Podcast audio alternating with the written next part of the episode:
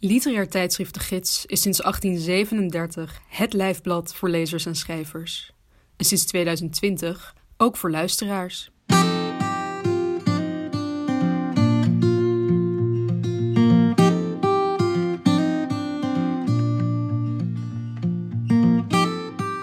Je luistert naar de 62e aflevering van Sprekende Letteren. Een podcast met verhalen, essays en poëzie uit de gids voorgelezen door de schrijver of dichter zelf.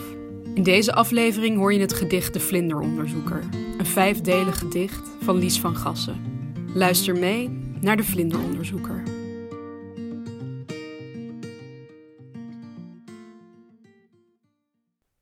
De Vlinderonderzoeker 1.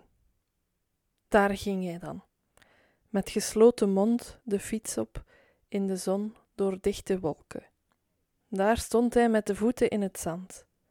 Zijn ziel zat opgesloten in wat kriebelde. Daar zag hij, hoorde hij, at hij. Dit alles leek onvermijdelijk.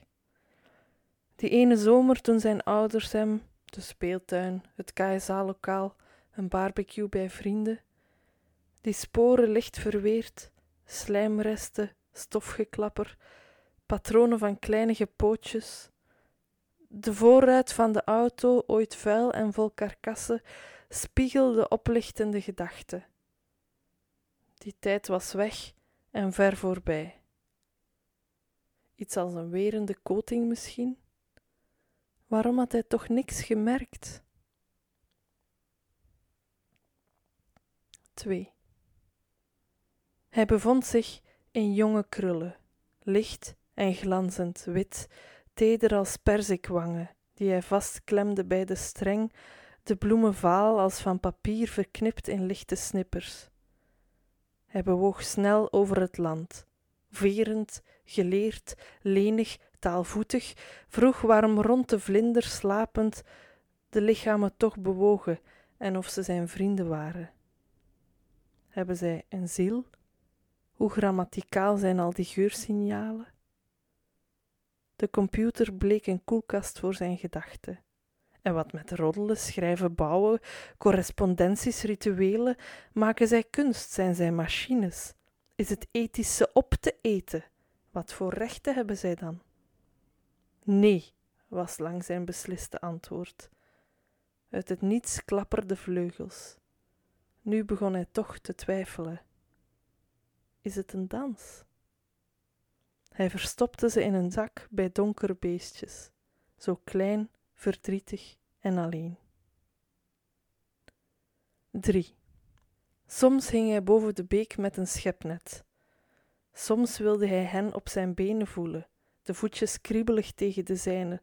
Soms stond hij in een bebloemde berm langs de weg of gewoon gezellig aan de afwas en zag hij beestjes die zo klein waren, beestjes die zijn blik niet vatten kon, er klapperde iets op zijn oogbal. In lange kolonnes kwamen ze dichterbij. Spinnen in de douche, mieren op de picknick, teken begraven in de huid, een bedwelmende reeks strips, vuurbollen en schietmotten, meelwormen, kaddischvliegen, kikkerhoppers en andere families. Een beetje gezonde grond, een voetvierkant van twee centimeter diep, meer hebben ze niet nodig. We zien, zei de vlinderonderzoeker nog, maar onze ogen vergeten te rouwen. 4.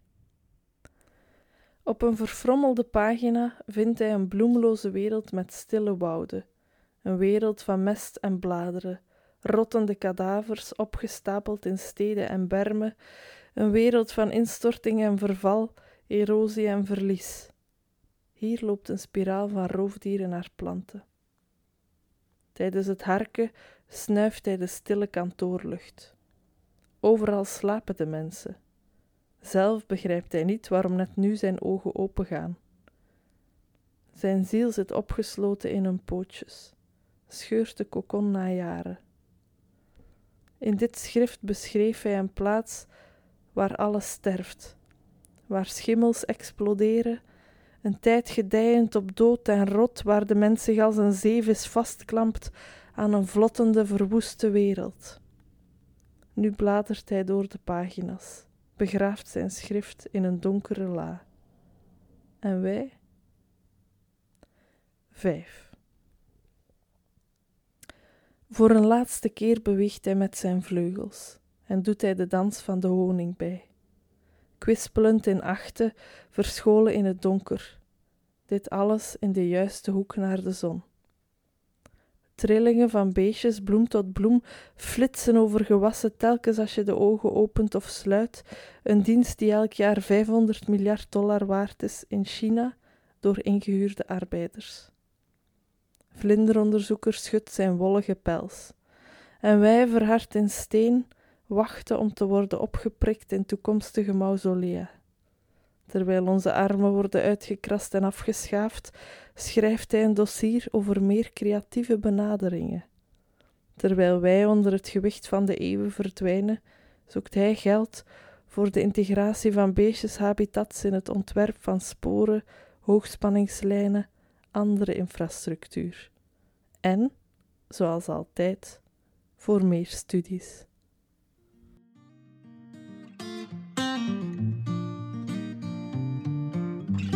Je luisterde naar De Vlinderonderzoeker, een gedicht van Lies van Gassen. Lies van Gassen is dichter, beeldend kunstenaar en leraar. Met haar bundel Brak de Waterdrager won ze de prijs van de provincie Oost-Vlaanderen voor poëzie. Na de bundel Wassende Stad uit 2017 verschijnt in 2021 de bundel Beestjes. Wil je dit gedicht lezen? Dat kan. Alle bijdragen die in sprekende letteren hoort zijn terug te vinden op onze website www.de-gids.nl. Wat je ook kunt doen op die website is een abonnement nemen op de gids. Vanaf 20 euro per jaar ben je al abonnee en steun je het langslopende literaire tijdschrift van Nederland.